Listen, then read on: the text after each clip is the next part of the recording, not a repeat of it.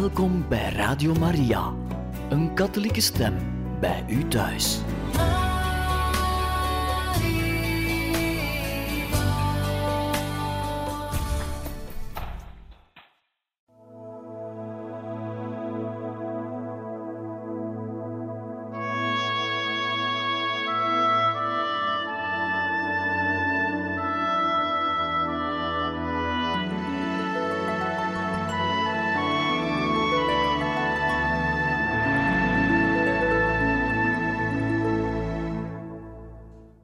Harte welkom, beste luisteraars van Radio Maria, in het programma Heiligen Getuigen, waarbij u verder voorlezen uit het boek Mijn Heerlijk Leven, het verrassend geestelijk avontuur van de jeugdige Gabriel Possenti, geschreven door Edmund Burke.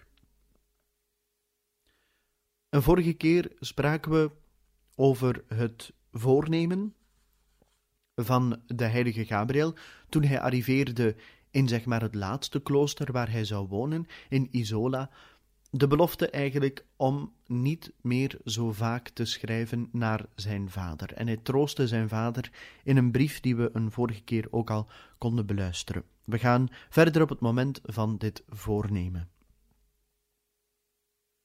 Gabriel hield zich stipt aan zijn voornemen om van Isola uit niet meer zo vaak te schrijven.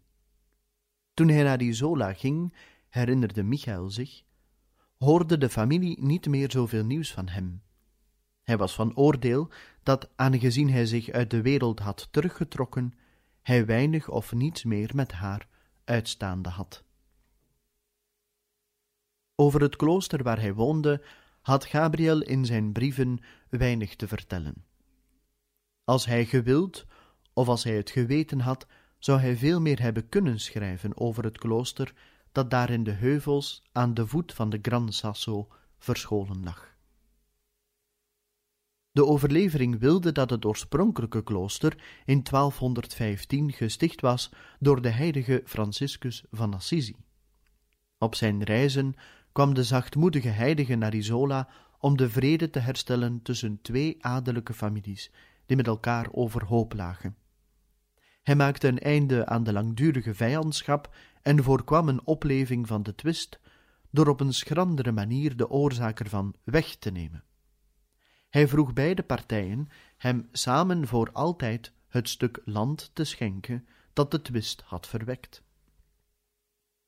Een aan de annunciatie toegewijd kerkje stond daar overigens al.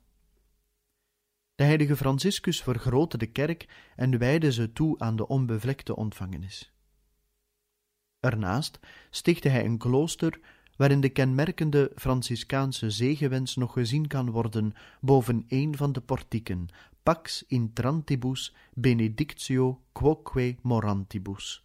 Vrede aan hen die binnenkomen en gezegend zij die blijven. Op deze afgelegen plek voltrok zich het vreedzame leven van de Franciscanen door de eeuwen, met al hun wederwaardigheden heen, totdat het klooster onder het bestuur van Napoleon in 1806 werd geconfiskeerd. Bijna veertig jaar lang bleven kerk en klooster verlaten liggen, langzaam verbrokkelend tot ruïnes en verval. In 1838 bood de bisschop van Penne, Monsignor Domenico Ricciardoni, de gebouwen aan de Passionisten aan, maar zij hadden niet genoeg leden om er een gemeenschap te vormen. Het aanbod bleef nog zes jaar gelden, totdat in 1844 twee passionisten erheen gezonden werden om de gebouwen te inspecteren. Zij vonden de eenzame ligging wel geschikt voor het ideaal van de heilige Paulus van het Kruis, maar rapporteerden dat er aanzienlijke herstelwerkzaamheden verricht zouden moeten worden om de gebouwen bewoonbaar te maken. De bisschop ging graag met hun voorstel akkoord en wees het eigendom aan de congregatie der passionisten toe.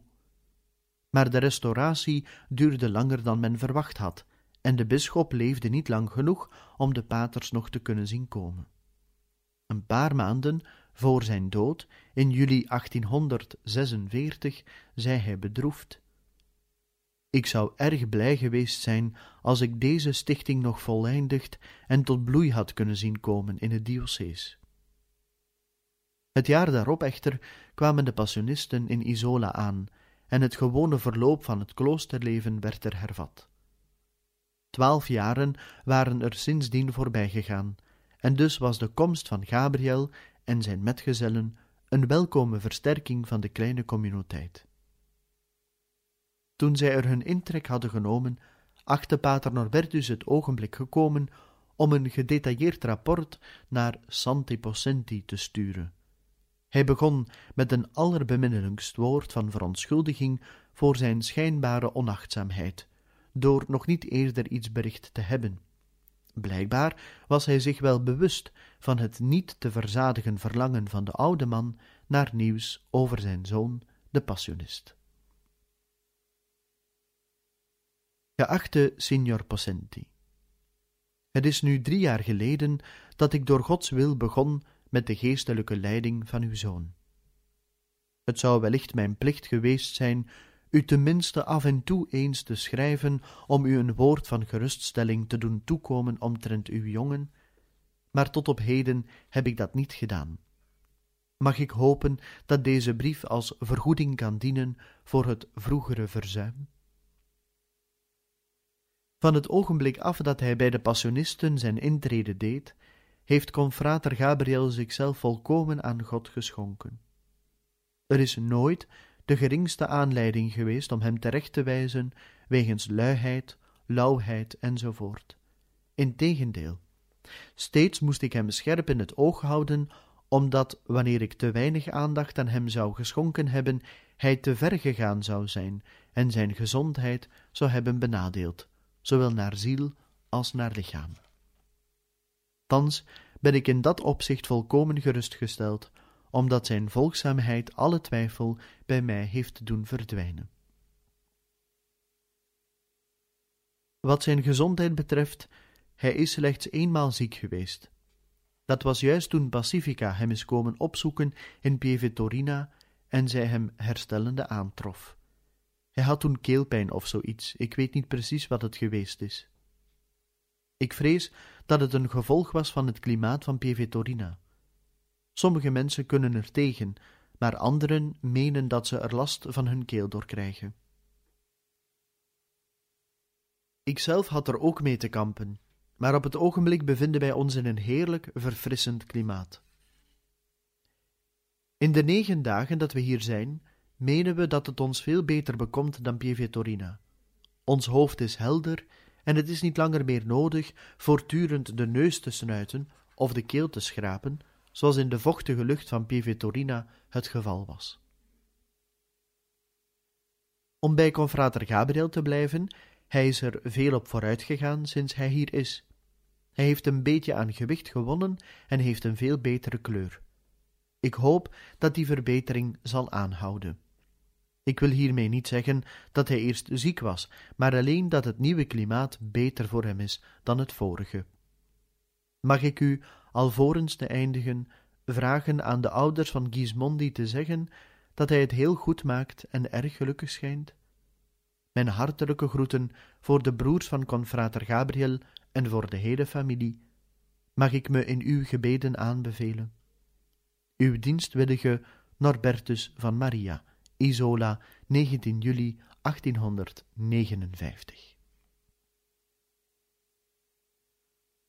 Hoewel nog niet verontrust, maakte pater Norbertus van het ogenblik dat zij in Isola waren aangekomen, zich kennelijk toch wel zorgen over de gezondheid van Gabriel.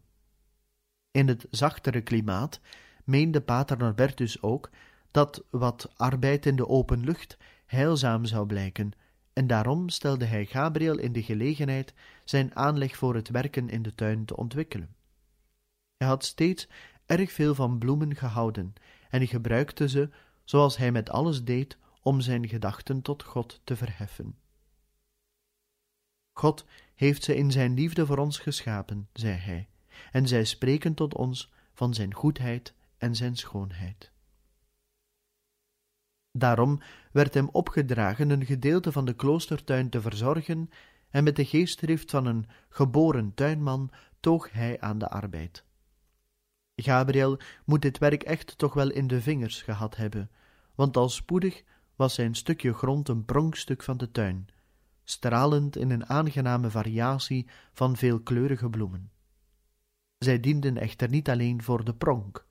Gabriel had het resultaat van zijn werk aan Maria opgedragen, want al zijn bloemen waren voor haar altaar bestemd. Spoedig kreeg zijn stukje grond de bijnaam van het tuintje van onze lieve vrouw. En die benaming beviel hem uitstekend en spoorde hem aan tot nog grotere inspanningen, om dat stuk van de tuin zijn koningin nog waardiger te doen zijn. Voor hem was het werkelijk een werk uit liefde, en hij streefde met zijn gebruikelijke grondigheid niets minder na dan tuinieren in de volmaaktheid. De grond werd met tedere zorg omgespit en geharkt. Geen sprietje onkruid mocht de bloembedden ontsieren. Zorgvuldig verzorgde hij de tere jonge plantjes, snoeide zijn rozenstruiken, plukte de dode bladeren af. Gedurende heel de lange hete zomer gaf hij zijn kostbare planten in de avondkoelte iedere dag water en wachtte geduldig op het rijpen van de bloemen. Het was een triomf voor hem als hij de eerste flinke armvol verzamelde en er het Maria-altaar onder ging bedelven. Soms vroegen de eenvoudige mensen van het land, die er naar de kerk kwamen, zich af, wie de bloemen zo kunstig had geschikt.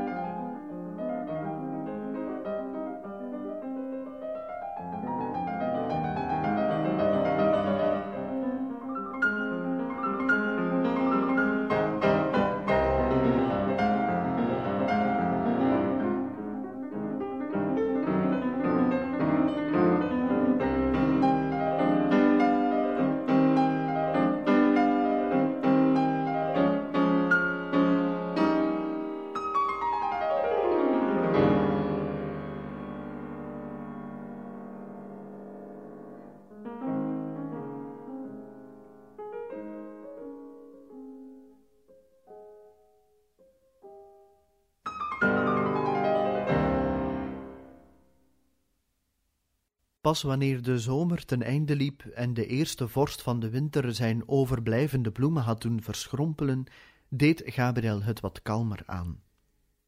Het werken in de tuin had wat kleur over zijn bleke wangen gespreid en hem lichamelijk in een veel betere conditie gebracht, zodat hij gedurende dat eerste jaar in Isola een betere gezondheid genoot dan ooit tevoren. Mogelijk deed deze verbetering zijn sluimerend verlangen naar lichamelijke tuchtiging weer ontwaken, dat door de voorzichtige leiding van pater Norbertus onderdrukt was. Gedurende zijn noviciaat had hij verlof gevraagd om een haren hemd te mogen dragen, maar dat had men hem geweigerd. Zijn verlangen naar strengheid voor zichzelf duurde evenwel onverminderd voort, en hij vond dat thans de tijd gekomen was dat hij wel iets mocht ondernemen om aan zijn verlangen te voldoen. Een beetje verlegen door zijn eigen durf, trok hij de stoute schoenen aan om andermaal bij pater Norbertus aan te kloppen. Voorvoelend hoe zijn verzoek zou worden ontvangen, vroeg hij beschroomd of hij misschien mocht. Zou het goed zijn te? Kon hij geen toestemming krijgen om? Ten slotte stootte hij nog maar onsamenhangende klanken uit. Werkelijk, ik wist niet wat hij wilde, zei pater Norbertus een beetje geprikkeld. Dus moest ik hem vragen ter zake te komen en duidelijk uiteen te zetten wat hij bedoelde. En uiteindelijk kwam hij ermee voor de dag. Of hij een catanella mocht dragen, een kleine gordel met spitse ijzeren punten rond het middel geklemd. Pater Norbertus stoof op. Wat? Jij met een catenella? Een ketting om je wil aan vast te leggen, dat is wat jij nodig hebt. Wel, dat zou misschien ook een goed middel zijn, mompelde Gabriel met een smekende glimlach. Ga aan je werk, zei pater Norbertus scherp, en laat me geen woord meer horen over die catanella. Maar Zoals Michael al gezegd had toen er thuis over zijn roeping gesproken was, was Gabriel niet iemand die het gauw opgaf, want al zijn goede voornemens, zijn aangeboren koppigheid en sterke wil waren nog niet helemaal onder controle. Dus toen hij korte tijd daarna hetzelfde verzoek hernieuwde, achtte pater Norbertus het raadzaam hem een flinke les in nederigheid en gehoorzaamheid te geven. Uitstekend, antwoordde hij terstond. Je moet beslist een catanella dragen. Draag die vandaag de hele dag maar, maar draag hem buiten over je kleed en openlijk, zodat iedereen kan zien wat een heilige man jij bent, wat een kampioen in de boetedoening. Dit was meer dan waar Gabriel op gerekend had. Ofschoon vreselijk vernederd door zijn penitentie, legde hij er zich goedschiks bij neer, zich er wel van bewust dat hij het zichzelf op de hals gehaald had door zijn koppigheid. Die hele dag verscheen hij overal met de gordel vol pinnen om zijn middel bevestigd. Blijkbaar had hij er zelf een klaar liggen. In de klas, op het koor, in de refter, onder de recreatie, Gabriel droeg zijn boetegordel en gaf geen woord ter verklaring. Zijn metgezellen onthielden zich vanzelfsprekend van commentaar, maar hun geamuseerde blikken en onderdrukte glimlachjes toonden aan dat zijn zonderlinge toestand hun niet ontgaan was. Niet voordat de dag om was, gaf pater Norbertus toe en beval hem de gordel af te doen. Maar van dat ogenblik af werd er over de zaak niet meer gesproken. Gabriel had veel nut gehad van deze les hoe hardhandig ze dan ook geweest was. Er komt een aantekening in zijn geestelijk dagboek voor, die wellicht op deze of op soortgelijke ervaring betrekking heeft. Hij schreef: Het geheim van het welslagen ligt in de overtuiging dat wij slechts stof zijn. God alleen kan ons uit de stof verheffen en onze pogingen schragen. Zichzelf te bekennen dat men dwaas is, is wijs worden met de wijsheid van God en tot een troon van geestelijke macht verheven worden. Als de winter belette dat er in de tuin gewerkt werd, vond Gabriel een andere toepassing voor zijn talenten. Bij het snuffelen op een oude zolder vond hij een afgedankt beeldje van onze lieve vrouw van Smarten, dat hem misschien herinnerde aan het beeldje dat hij thuis zo trouw verzorgd had. Het was maar een eenvoudig dingetje met stukjes eraf, verkleurd, dik onder het stof, maar hij meende er toch mogelijkheden in te zien. Hij nam het van de rommelkamer mee, ging ermee naar zijn cel en vroeg pater Norbertus toestemming om het in zijn vrije tijd te mogen restaureren. Toen de priester zijn toestemming had gegeven, zorgde Gabriel voor borsteltjes en verf en zette zich aan het werk. Hij waste het beeldje af en maakte het goed schoon, herstelde en verving de gebroken stukjes, en met het fijnzinnige vernuft van de kunstenaar knapte hij het beeldje weer op, totdat het zo goed als nieuw was. Ofschoon Gabriel blijkbaar op geregelde tijden naar huis scheen te blijven schrijven, was de postdienst niet erg betrouwbaar en de brieven bereikten hun bestemming niet. Uit latere correspondentie blijkt duidelijk dat in de periode van juni tot december 1859 vier of vijf brieven die Gabriel aan zijn vader schreef, nooit in Spoleto zijn aangekomen. Indien er bijna zes maanden verstreken waren, sedert er nog enig nieuws van Isola gekomen was, mag men het Santi Possenti wel vergeven dat hij zich steeds ongeruster begon te maken. Als hij op de laatste dag van het jaar, 31 december 1859, schrijft, zet hij andermaal uiteen dat hij niet vaker kan schrijven, maar voegt er geruststellende bijzonderheden aan toe, die des te meer welkom zijn nu de toestand in het land zo troebel is. Ik beantwoord uw brief maar terstond, om aan uw verzoek te voldoen, maar nogmaals herhaal ik dat het niet onze gewoonte is zo dikwijls te schrijven. Zelfs wanneer u schrijft, moet u het in de toekomst niet verkeerd opvatten als ik niet dadelijk antwoord. Het klimaat is hier, zoals ik u reeds gezegd heb, uitstekend. Goddank zijn de lichte aanvallen van hoofdpijn, waar ik in Pievetorina zoveel last van had, hier achterwege gebleven. Dat geeft reden om te hopen dat ze nu voorgoed van de baan zijn. De plaats waar ik nu ben is een van de veiligste, zo niet de allerveiligste in deze tijd. Het is ver weg van iedere stad en helemaal afgelegen. Er is hier volop te eten en de meeste mensen zijn ons buitengewoon genegen.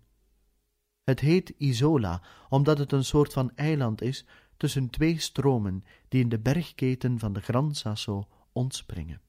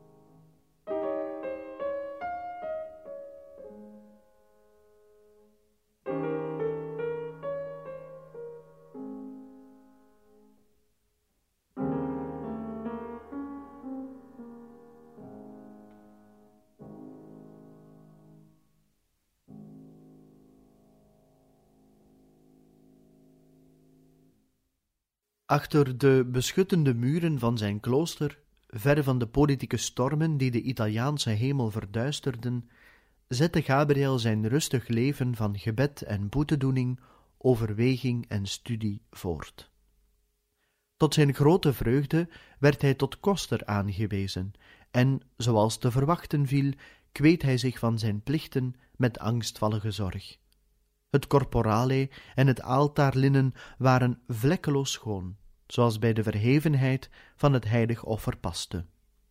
De hosties, die in de mis gebruikt zouden worden, werden één voor één aan een nauwkeurig onderzoek onderworpen, en bij het minste foutje dat Gabriel aan een ervan ontdekte, legde hij deze onherroepelijk terzijde. Pater Norbertus vond dat hij te hoge eisen stelde en trachtte zijn overdreven ijver in te tomen. Hoezeer hij van zijn werk in de sacristie ook hield, nooit verstoutte hij zich er langer tijd aan te besteden dan er hem voor was toegemeten. Als hij toevallig bezig was en het geluid van de bel riep hem ergens anders heen, verliet hij de sacristie onmiddellijk en onderbrak zijn bezigheid.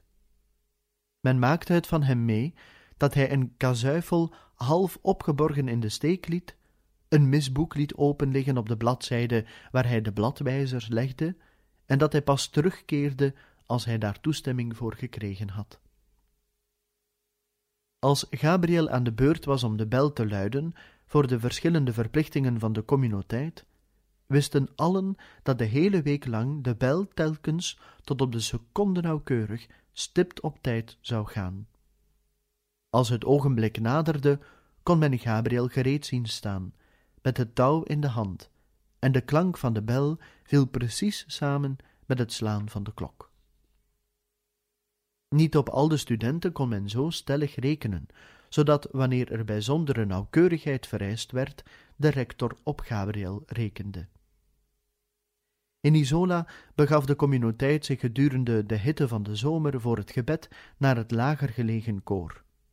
Het zij doordat de klok over die afstand niet hoorbaar was als ze sloeg, of door een andere oorzaak, in ieder geval heerste er verwarring over het luiden van de bel om het einde van de meditatie aan te kondigen. Ten slotte bepaalde de rector dat het luiden van de bel voorgoed zou worden toevertrouwd aan confrater Gabriel, en van die tijd af waren er gewoon geen moeilijkheden meer. Gabriel was van een grote liefde voor de heilige mis bezield en woonde er liefst zoveel mogelijk bij, of probeerde er als misdienaar aan deel te nemen. Iedere morgen maakte hij de intentie om in de geest aanwezig te zijn bij al de missen die die dag over de gehele wereld zouden worden opgedragen. Bij de zeldzame gelegenheden dat er dispensatie van de metten verleend was, stond Gabriel de volgende morgen heel vroeg op om enkele missen te dienen, die gelezen werden voordat het ochtendkoorgebed plaatsvond. Wie hem gadesloeg als hij de mis bijwoonde, stond versteld bij het schouwspel dat hij dan ongewild bood. Op het ogenblik van de consecratie leek heel zijn wezen een verandering ondergaan te hebben. Zijn blik was zo vast en strak dat men bijna zou menen dat hij zijn Heer achter de sluier der sacramentele gedaante zien kon. Zijn bleke wangen werden met een blos bedekt, zijn donkere ogen gloeiden, zijn lippen openden zich in een hemelse glimlach, zijn hele gezicht kreeg een dermate extatische uitdrukking dat het leek alsof hij niet meer van deze wereld was. Als hij te communie ging, naderde hij het altaar in de diepste concentratie, met gevouwen handen en diep gebogen hoofd. Bij zijn dankzegging was hij zo verdiept in God, zo volkomen weg van zijn onmiddellijke omgeving, dat men hem bij de naam moest noemen of bij de arm schudden om hem tot de werkelijkheid terug te roepen. Hetzelfde gebeurde bij herhaling wanneer hij een bezoek bracht aan het heilig sacrament. Hij verzonk zo diep in gebed, verklaarde een van zijn metgezellen, dat ik hem moest schudden om hem weer zichzelf te doen worden. Zijn knieën geschieden langzaam, diep en eerbiedig. Het was een werkelijke acte van geloof en liefde. Vaak heb ik hem gadegeslagen wanneer hij dacht dat niemand naar hem keek, verklaarde pater Norbertus, en steeds wanneer hij knielde, wachtte hij even. Het was duidelijk dat hij heel zijn ziel uitstortte voor Jezus in het heilig sacrament. Als hij door een gang liep en zich andermaal niet gadegeslagen waande, werd Gabriel gezien terwijl hij knielde in de richting van het verre tabernakel. Zijn gedachten waren geconcentreerd rond het mysterie van de werkelijke tegenwoordigheid, en in de beslotenheid van zijn hart wandelde hij met God. Zijn snelle geestelijke rijping, zijn groeiende onthechting aan de wereld, het spreekt allemaal duidelijk uit zijn brieven uit die periode. In februari 1860 schreef hij als volgt aan zijn vader: Liefste vader, wenst u ongestoord te leven te midden van al die troebelen? Wilt u uw dagen in waarachtige vrede doorbrengen? U hebt de kerk nog en uw huis. Ik zeg u dit uit de grond van mijn hart. God heeft iedere hinderpaal van u weggenomen. U hebt geen gewichtige zaken meer te behartigen, geen openbare functie, geen groot gezin meer. Al wat u nog gebleven is om voor te zorgen, dat is uw ziel en de zielen van mijn broers. Vaderlief, wijd daar al uw zorgen aan, laat dit u alleen bezighouden. Schenk geen aandacht aan het nieuws uit de wereld, maar alleen aan uw eigen ziel. Besteed al uw tijd aan de zorg voor uw ziel. Het moet voor Santi Possenti, die vooral nieuws over de gezondheidstoestand van zijn zoon wenste te horen, wel teleurstellend geweest zijn dat de hele brief alleen maar gewijd was aan verheven geestelijke overwegingen, zonder één enkel woord over zijn fysieke toestand. Pater Norbertus, die de brief doorlas voordat hij op de post ging, probeerde dat gemis zoveel mogelijk goed te maken door er bij wijze van naschrift een paar prozaïsche opmerkingen aan toe te voegen. Confrater Gabriel maakt het heel goed. Zeer onlangs heeft hij wat medicijn moeten innemen tegen indigestie. Hij voelde zich gelukkig en is opgewekt, maar hij kan er maar niet over uit dat hij in het verleden zo blind geweest is om deel te nemen aan, zoals hij zegt, vermaken die niet zijn geest ontspanden, maar hem met zorgen en verwijt belasten. Zulke betuigingen van hem zijn geen holle woorden, ze gaan vergezeld van handelingen die met zoveel ijver vervuld worden dat men verplicht is hem tot matiging te vermanen. Wanneer hij trouw blijft aan de genaden waarmee de Heer hem steeds blijft gedenken, als hij volhardt in zijn ijver, zal hij beslist een heilige worden. Laat het voor u een troost zijn, dat is het ook voor mij. Toen Santi Possenti die slotregels las, voelde hij zich een beetje op zijn gemak gesteld. Het was aardig van Pater Norbertus om zulke vertroostende dingen te zeggen, maar was het aannemelijk dat zijn zoon werkelijk een heilige zou worden? Het was natuurlijk een heel goede jongen, dat wel, maar een heilige. Een heilige in de familie Possenti. Hij schudde het hoofd. En met die bedenking die de vader van de heilige Gabriel zich maakte, besluiten we deze aflevering van het programma Heiligen Getuigen voor vandaag. Volgende keer gaan we verder met hoofdstuk 15 onder de mantel van Maria. En gaan we nog wat meer ontdekken over die diepe verbondenheid die de heilige Gabriel had met onze lieve vrouw. En dan lezen we u graag verder voor uit het boek Mijn Heerlijk Leven, het verrassend geestelijk avontuur van de jeugdige Gabriel Possenti, geschreven door Edmund Burke. En hopen we dat u er ook die volgende keer wenst bij te zijn. Van harte dank en nog een bijzonder fijne dag gewenst.